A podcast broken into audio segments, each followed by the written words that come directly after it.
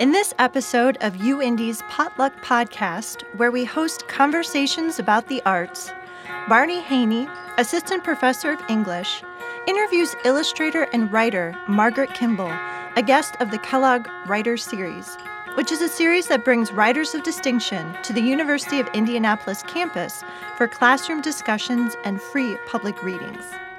Margaret Kimball is an award winning illustrator and author of And Now I Spill the Family Secrets, a graphic memoir about mental illness and family dysfunction. Her writing has appeared in The Believer, Lit Hub, Ecotone, Black Warrior Review, and elsewhere. Her hand lettering and illustrations have been published around the world, and she's worked with clients like Smithsonian Magazine, Macy's, Marks & Spencer, Boston Globe, Little Brown, Simon & Schuster, and many others. Her work has been listed as notable in Best American Comics. We hope you enjoy this episode of UIndy's Potluck Podcast. Hello, book people, and welcome to the UIndy Potluck Podcast. On this beautiful day, we are sitting outside of Good Hall under the giant green bean trees with incredible illustrated memoirist Margaret Kimball. Her debut memoir, And Now I Spill the Family Secrets, is a compelling audit of family history through which collective and individual identity is reassessed and a path toward meaningful connection forged.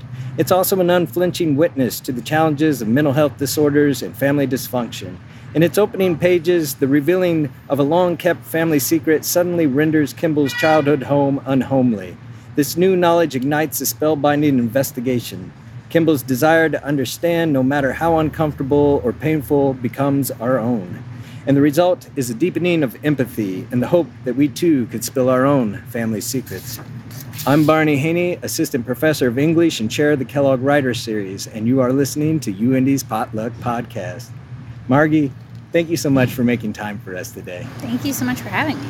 So, I've given my brief summary of the book. How is it that you describe the book when people are like, What's your book about? Tell me about your book. Um, sometimes I'm like, I have no idea. But um, when I try to button up, I think it's the story of growing up and um, and kind of processing the generations of mental illness in our family and really studying the impact that the mental illness had on our relationships and kind of what happened to us. Um, and it's all framed in like the different houses we lived in. So I think about that too. Like we moved a lot, and so um, each chapter kind of takes place in a different house we lived in. So that's how I think about it. Mm-hmm. Let's talk about the manifestation of this book. I'm curious when you started this project, how long you worked on it, and, and how it changed over the course of that time. Yeah, so I feel like the earliest drafts started when I was an undergrad. I took an autobiography class with Lynn Bloom um, and she introduced me to memoirs. Like I didn't know that field at all or that genre. I think I had an inclination I wanted to write about my life because I kept journals all the time, and so it just was sort of like an intuition, but I didn't really have any formal thoughts about it.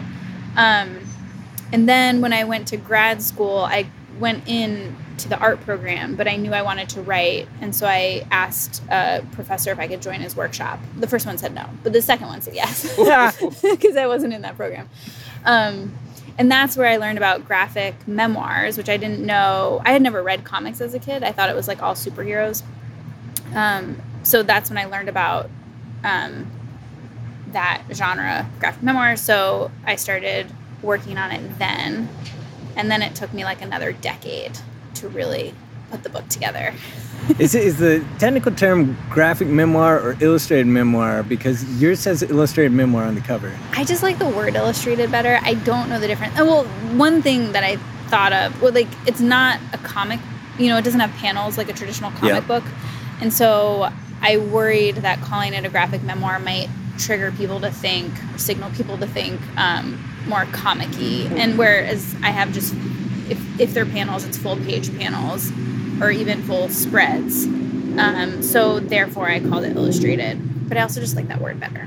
I like it too. Like when I tell my students about this, like I was kind of giggling because I'm immature and I was like, graphic memoir sounds like I'm gonna write all about my sexcapades. Right, right, it's right, like graphic, I yeah. really get in like on this action here, right? Just sounds kind of. which would have been a great book. Like, But graphic novel sounds great, right? I mean, it just Yeah. graphic novel sounds very good. The illustrated sounds, yeah, the illustrated memoir sounds better to me as well. does it? Okay, yeah. Yeah.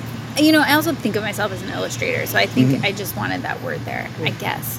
Well, starting back then, you know, all the way back in, in grad school, this, the idea or concept of this book must have changed many times over the course of your drafts and building it.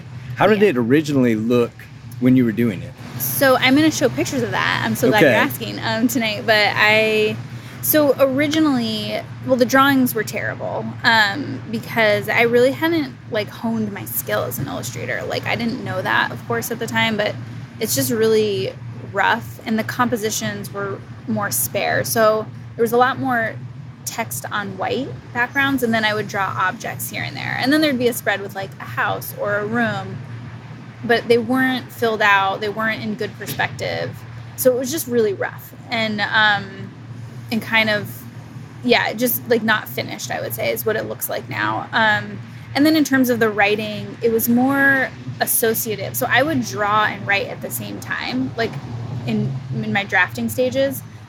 And so i never looked at the text by itself Mm. and I never thought like, okay, if I start here, what points do I need to hit, and how do I create momentum and scene to get to you know the end? Yeah. It was just kind of like, oh, and then I enter this room, and I think about this, and then I enter this room, and I think about this, and so you would read from point A to point B, but like you're just kind of wandering around these rooms. So it was just really um, more experimental. Was it like a free association that was building it through? Almost like that. I mean, it was a little more fo- like slightly more focused Yeah. than that, but it was very associative. Were you drawing? For, so you're drawing at the same time. Were, were like both things kind of like building momentum for you? Like sometimes it'd be the images and sometimes it'd be the prose.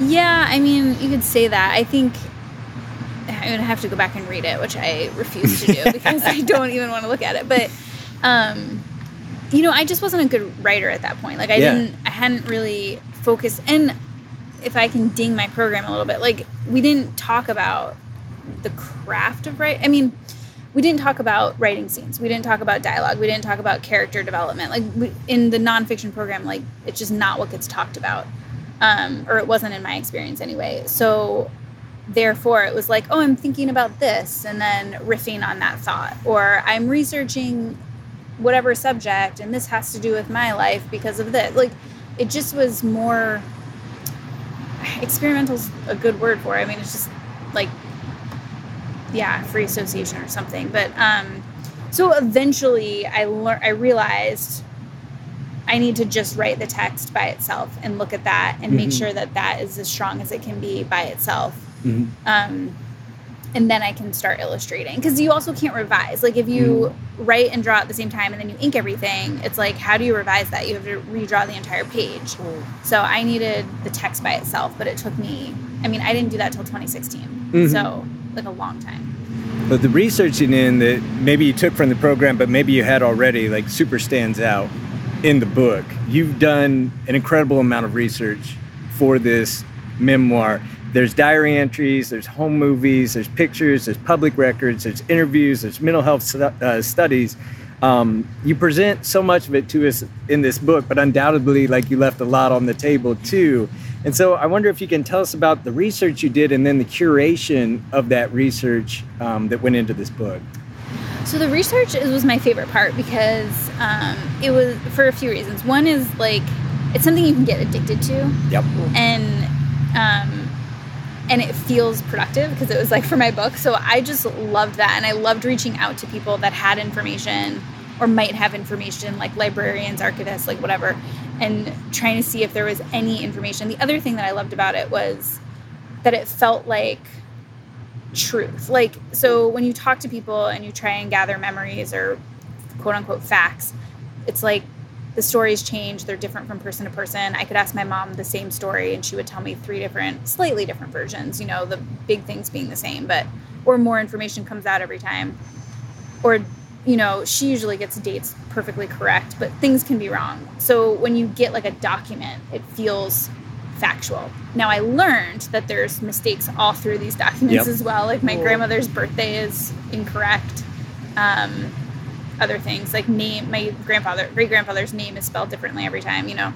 Um, so I don't even remember. We're talking about the It's like, I research, love the research so research that you did and the research that went into this. Yeah. Let's go to the. Let's talk about the images here. the The images are in grayscale, like mostly black and white, creating like a real striking contrast on each page. Um, was this like color palette something you'd always envisioned, or had you played with color while drafting in, in different drafts? I did play with color when I was in grad school, but color never made sense to me. Like I would do it and just be like, I don't like it never looked good. It always looked cartoony. And I also didn't know how to I eventually figured out how to like paint in color, Yeah. but I was working digitally early on and I think that it just looked I mean it looked really crappy. Like it looked flat, it looked unfinished.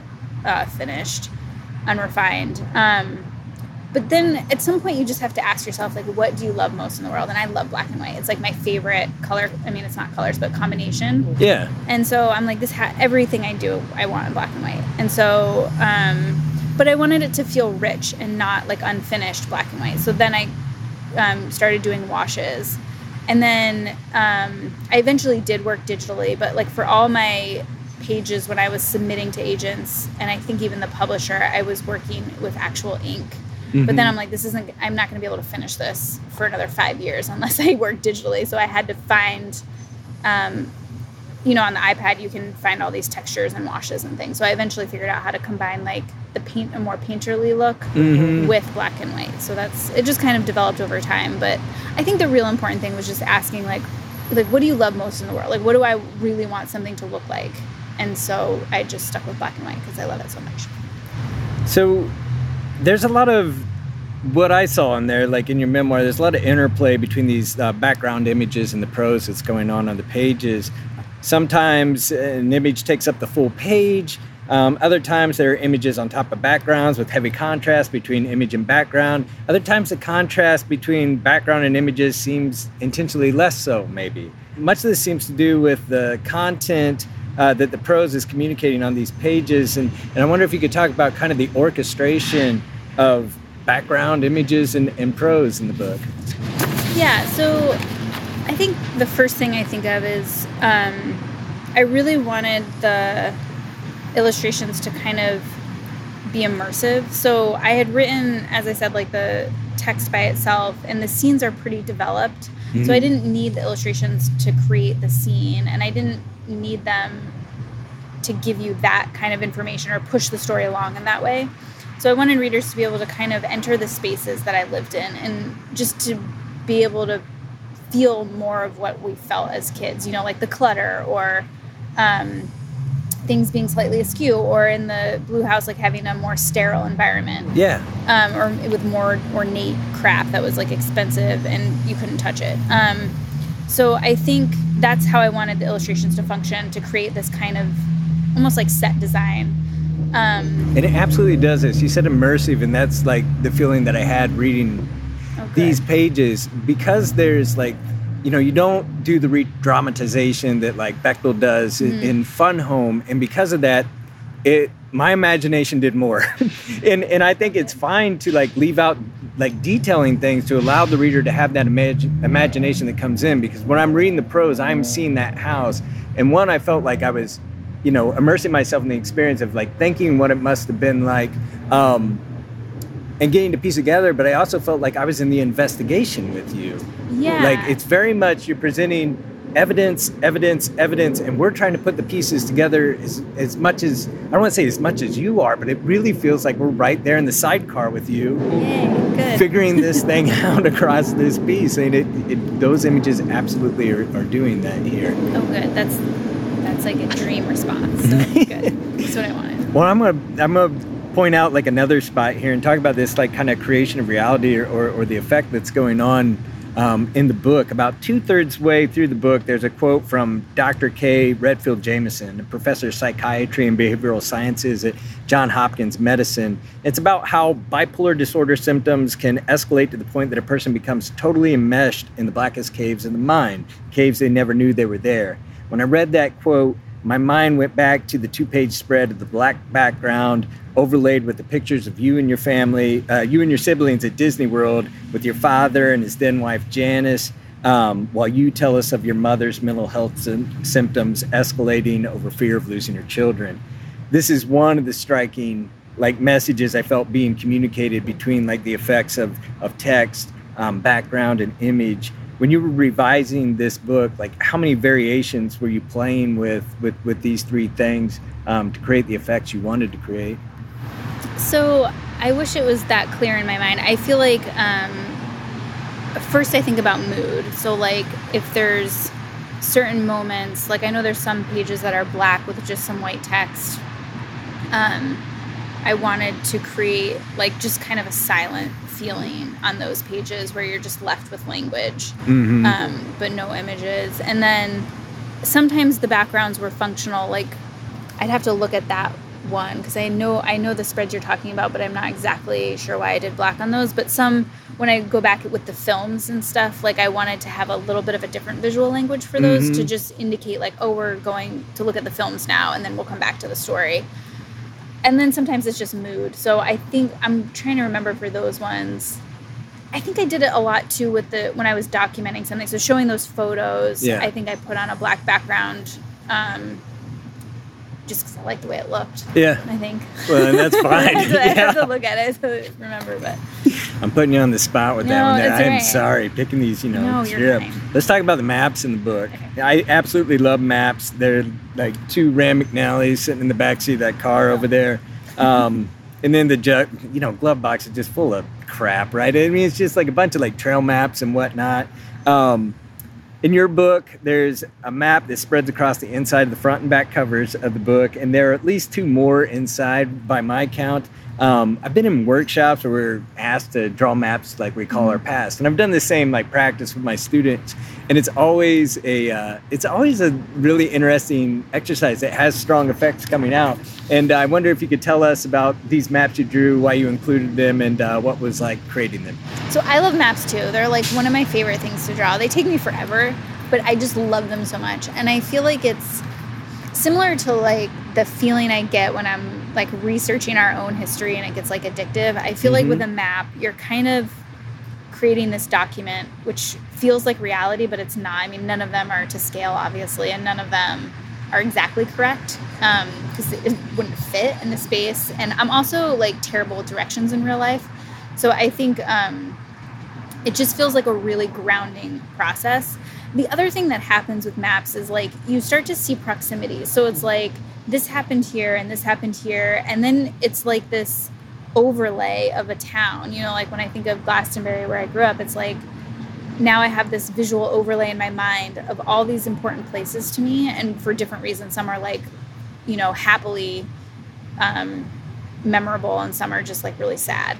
Mhm. Um, and I just love seeing that all in one place. And I think it's hard to do. I mean, in terms of like, how, like, do you can you write that? Like, I don't know. It's just like you suddenly see history all Mhm. at once, and it so it has this immediate impact.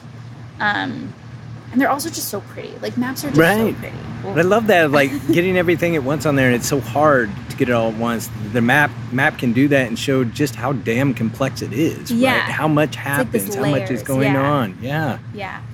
Let's talk about um, some of the early drafts of this book. You put your, I mean, I know you put yourself through a lot to make this happen. Just in like, you know, your artistry and moving forward. You were in an MFA program where your classmates were bringing in, you know, prose-oriented work. You're the only one bringing in like image narratives going in there. What was it like being the only one of your grad school classmates to be doing this?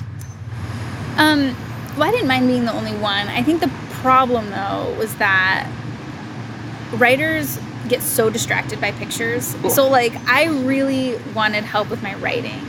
And so I would sometimes bring in pieces that were just text and they would just get slammed. And they'd be like, Where are your pictures? This is terrible. You don't know how to write. Which I'm like, I'm trying to be a better writer. Like, what? Um, so I feel like the only people were super generous and kind and they were so encouraging in the workshop and so i feel i feel like it propelled me along and gave me confidence Mhm. when i look back at the work it like nobody should have propelled that along but fine um, but I think like just I think they did that because they were distracted by the pictures, and so they weren't focusing on like how to make this a better story. Or, I mean, maybe they did a little bit, and I'm Mhm. sure like I'm hard headed and it took me a long time to figure out. But I think um, that was the main downside was like just not nobody knew exactly how to talk about it or how to say it. Like, and nobody would talk. Oh, I guess they would talk about the pictures sometimes, but it, it, I don't know. They would talk about the pictures, but not how to improve the pictures. They'd be like, "Oh, this is really nice and pretty." And anyway, so it's the like the art program couldn't. The professors there couldn't help me with the writing Yeah. portion, and then the writers couldn't really help me with the drawings. But the drawings also distracted them from helping me as Mhm. much as I wanted with the writing. I think, but I also just needed to grow as a person and develop and. And so it's a I space that give you the time, if not like the Yeah. like instruction. I mean, the it sounds like the good things there, right? The encouragement and the confidence Yeah. building, which is hard as hell to get, and Yeah. just the time that grad school allows, which is like wonderful if it's a good program to be at. and just like you know probably the best thing about grad school is like people take each other's work seriously Yes. and it's like you know i'm just thinking about it now and it's like there I, my husband's a writer so like he reads all my work mm-hmm. 1st and helps me with it but if he didn't exist it's like who in the world is going to spend that time looking at your writing and really critiquing every sentence like that's one of the great gifts i would say Yeah, it's nice. We, we talked about this a little bit before, but like shit is real in the workshop. Like it just finally like has a feeling like a stamp of reality Yeah. going on there when you know it's it's so important to us. I want to talk about so we, we're talking about the early drafts. Let's talk about like the near last drafts of your memoir. At the end of your book, um, you write about revising the book. Um, you went through the complete draft with each of your family members to give them the opportunity to voice questions and concerns. You, d- your father declined. He's kind of like my sense is he was like, "You got full license to tell your story. I'm, you know, I'll read it when it's published." But other members like looked at it and, and some had concerns. Can you give us some more insight into one, like why it was important for you to give them the opportunity, right? Because I think some writers would be like, "I earned this story. I was there and I lived this, and like, you know, I, I got the right to tell it." um, and, and what the writer's responsibility is. Um, but talking to them, why you felt it was important to give them the opportunity and what the experience of going through the drafts with them was, was like. So I think the first thing is, I mean, I want to have a relationship with my family, like each of them, and Mhm. so I didn't want them to feel like I was steamrolling them or saying something completely out of turn or just revealing something to the world that I hadn't shown to them first because they're more important to me than the world, you know. And so that was essential, and it took me a long time to to bel- like want to show to get there, I guess, to be like because there was a long period where I was like, this is my story, I can do what I want. Yep. And then it's like, well, there's a reality here, which is like, do you want a relationship with your family or do you just want to be a dick to them, you know? And so, sorry for that. No, Anyway, Dick is fine. Dick You is fine on the podcast. Um, anyway, so that was important to me. Um, and then I just really wanted to give them the opportunity to change or to give their feedback if there was anything glaring. Mhm. Um, but you know, and I talk about it, it's like the only I feel like the only person who really had anything to say was my mom, and she just she was just fact checking it. You know, like she's like, I didn't say this, I said this. Like I tried to make changes or adjust, like to say like, oh well, she said this happened, but I think this happened or whatever. Mhm. But that was the only thing. I think the process of showing her like created a lot of healing with us because um, I was so angry for so long, and I think she was too.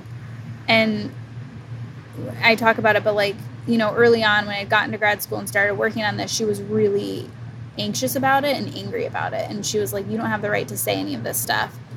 And I think now it's like there's nothing more to say. Like we've said everything we want to say to each other. I've said everything I have to say about it. I've been as generous as I could possibly be. She feels that. Mhm. And um, so I think just the process of being open and transparent with her about what I was doing and sitting down with her and saying, Tell me all of your concerns. I'm going to try and deal with them and make you comfortable just helped us resolve like whatever tension was between us. And like honestly, since the book's come out, we've just had a really good, like peaceful relationship. Like we talk a lot.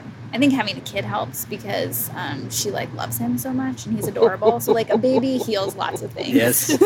causes other issues. I feel like he's doing a great job for me and my mom. Um, but I think the just that conversation really um, allowed us to heal a lot. The piece you wrote about this for uh, Lit Hub, like Yeah. it, it's fantastic. I mean, it's something like all all our listeners out there. Like, if you're writing and worried about like things your family might think and, and wonder about approaching your family, you need to go out, look up that Lit Hub piece uh, by Margaret Kimball. And read it. God, read it two times. I mean, it's just a lovely piece. As soon as I read that, that was like the moment that I sent you, like the solicitation of like, you know, we need to have you at University in Indianapolis. It's, it's a really touching, wonderful piece. Thank you for that. Now it's time for the hard questions. Okay. Are you, are you ready? This is what Yeah. um, the students call the lightning round. Okay. So you you prepare prepare yourself accordingly. There may be some thunder that Yeah. happens in here as well. All right. Are there any autumn festivities or fall time foods that you enjoy? Okay, I know this is controversial now, or it seems to be, but I love all pumpkin spice things. Oh, me and too. I have no regrets about that. Um, I went apple picking the other day. It was amazing. I mean, there weren't very many apples. Apparently, there was a spring freeze, but it was fun and festive. Um, and I'm really looking forward to Thanksgiving. Yeah. Yeah. I love um, yeah, you're New England. Pilgrim's Pride is like sandwiches all year long you can get Thanksgiving between buns. Like it's wonderful. Um, yeah, I'm I'm a big chili fan. So like fall I'm just like waiting. I'm like get cold. Get cold so we can make that chili. Chili's very good too. Yeah. so describe what your very best dance move looks like. Okay, I'm an embarrassing dancer because at some point I stopped caring. I mainly jump up and down with my arms in the air. Like I Like arms fully extended Yeah. up above you, up in the yeah, air. like pumping them a little bit. yeah. Um, it works best with like Lady Gaga and some Lizzo, some Beyonce. Um, very embarrassing. I didn't think it was embarrassing. I thought it was awesome, but my husband told me sort of recently, within the last couple years, that it's pretty embarrassing. Yeah. It's a standard move. I've seen it done. You have to be careful with that one, though. One of uh, one of my fellow prof- English professors here, and you know who you are if you're listening, is doing that very move and uh, in my living room, and he punched a hole right in our ceiling. Are you kidding me? I am not kidding. That's amazing. Think We of had to the get her- enthusiasm you have to have to do that. And also, that seems like it would hurt. Yeah, he put a hole right through it, and uh, well, the the kind of beautiful thing we got pressed tin ceiling in there now. It's very like Oh, it's very interesting and nice, and, Yeah. and we'd wanted that, and that made the switch. But yeah, we had a hole in our ceiling for a while. You know who you are out there. All right.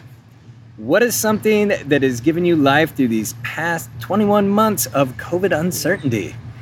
Um, okay, there was this period where so we were doing homeschooling with um, my daughter, and who is she was ten now she's eleven, um, and we were just all feeling really cooped up. So we started doing these um, neighborhood-wide hide and go seek games where like she and I would go hide, my husband would try to find us, and we had like a square mile radius.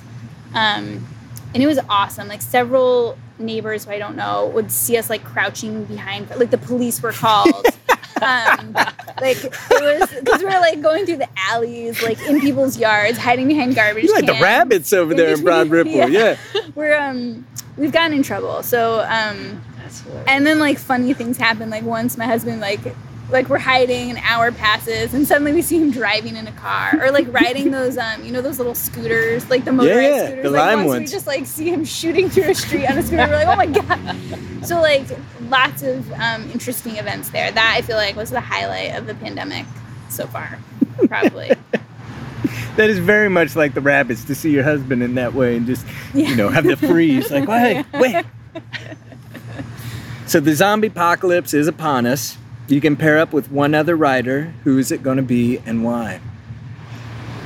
Well, I mean, obviously I'd pair up with my husband because he's the best. But um, his name is Christian Moody. He's a fantastic writer. Um, but I feel like you're asking a different question. No, Um, I was actually going to very much bust you on, on Christian's Oh. behalf. I was waiting Oh, to bust to you on his somebody half. else. Yeah, you were super sweet. Christian, she's super sweet. so it, your your husband, we know, like it, it's a given. I was going to have him on team team Barney if like you were going with somebody else. I was going to totally like take him into my zombie like fighting crew. Um, so you got Christian. We'll allow you to have another writer because because husbands. husbands. Yeah. Okay. Um, so I feel like Dani Shapiro, um, who I've just been rereading a lot of her work lately and thinking about her, and I feel like um, we're kind of kindred spirits. I don't know if she would feel the same way. Um, she's very good, but I just love her writing. I think she she's great at writing scenes. She's great at creating momentum, and she uses those devices like the fictional the fiction writer devices, like just to really propel her stories along. And she has a whole fucked up past that I love. Like I really love a writer with a fucked up past. We need like it needs to be a writer with a fucked up past to like survive this thing, right? Somebody who's this kind of experience of like I live in the fucked up all the time, and I'm ready. I'm Yeah, ready for this. I'm, I'm this. like you know I'm actually going to thrive in Yeah. this environment in some strange way. yeah. Warriors. What do you miss most about living in New England? Everything. Um, Everything. It's so beautiful up there. It's so beautiful there, and it feels. It just feels like home. You know, like it's like there's nowhere in the world. Well, okay. When I get to Italy, I feel actually a similar feeling of like, oh, this feels like home to me. Isn't that weird? Isn't that really experience really weird. when a place feels like home? That the first time I was up in uh, Scarborough, Maine, Little Beach like area up there. Um, my wife would go up there. Family like in the summer would get like a house for a week up there, and all the family, extended family, come in, and that place totally felt like So home. And I'm a. Midwest guy, and that Yeah. place was so home, like immediately of Yeah. walking in there. That's. I mean, I always think like, well, shouldn't you move there? You know, like it's like yes, what? Yeah. I think I should. Um, yeah, I miss my family. I mean, my dad recently moved here, so that helps. But um, I miss my younger brother a ton. And I miss, like, I loved living, I don't like living in New York City, but I like living Mhm. near it. Um, so I could just, like, pop in and just get my fill of the city um, for, it's, like, lo- it's lovely to get everywhere by train up there. Yeah. Like is connected. It's so close. They should do it here though, because like I mean, Chicago's right up the road. St. Louis, like Louisville. Um, there are so many. Columbus, Ohio, Cincinnati, Cleveland. Like there's so many cool cities. Like they could all be connected around. I know. right? And Get I it together, totally- Indiana, Midwest. Come on, damn it. I heard, so there is a train to Chicago, or there used to be, but I've heard Mhm. it sometimes stops for like three days at a time or something. Hey. It just will, like, get stuck. That's the route I want to go. Yeah. Three day trip to Chicago. Yeah. I mean, yeah. Are you sure they they weren't talking about like the uh, toll road that goes up there? That- I have that's- no Oh my. God, that road sucks. Everybody avoid it. What do you like about living in Indianapolis? So it's really easy to live here. Like I feel, um, so it's a city, but I have a nice little house with a yard. You know, like I feel like that's not possible in New England cities because it's all so packed and everybody's on top of each other. So I feel like that's nice.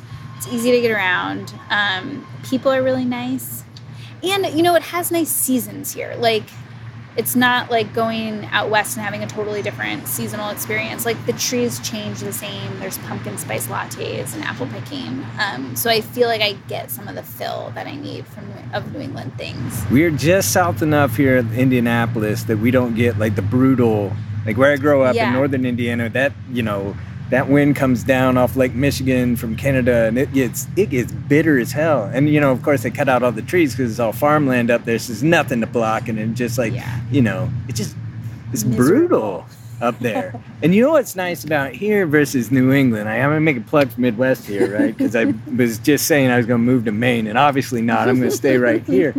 But it gets so damn dark at like three o'clock in the winter there. You're Totally like, true, Do yeah. we start drinking now? Like, is it now? like it just no, it's It- midday. Yeah, yeah. No, that's totally true. And here, it, I feel like the earliest it ever gets dark is like six thirty or something. Yes. Yeah. In the summertime, it's like ten o'clock at It's night. like ten o'clock. It's ridiculous. I know. It's amazing. So that is that is really amazing.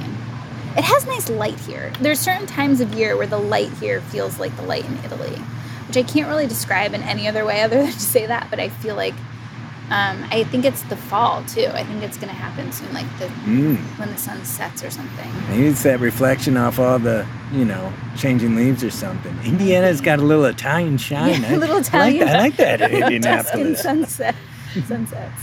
Margie, it was so fun getting to talk with you today. Thank you for joining us. On behalf of the Kellogg Writers Series and the University in Indianapolis, I'd like to thank our listeners for tuning in. You should all, you know, grab your friends and, and drive to your local bookstore right now. No time for stoplights or pedestrians. You just blow right by that stuff. Go pick yourself up a copy of Kimball's illustrated memoir, And Now I Spill the Family Secrets. All right, everyone, take care.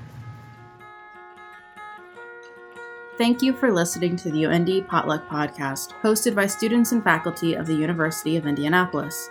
We would like to thank our guests and the Shaheen College of Arts and Sciences.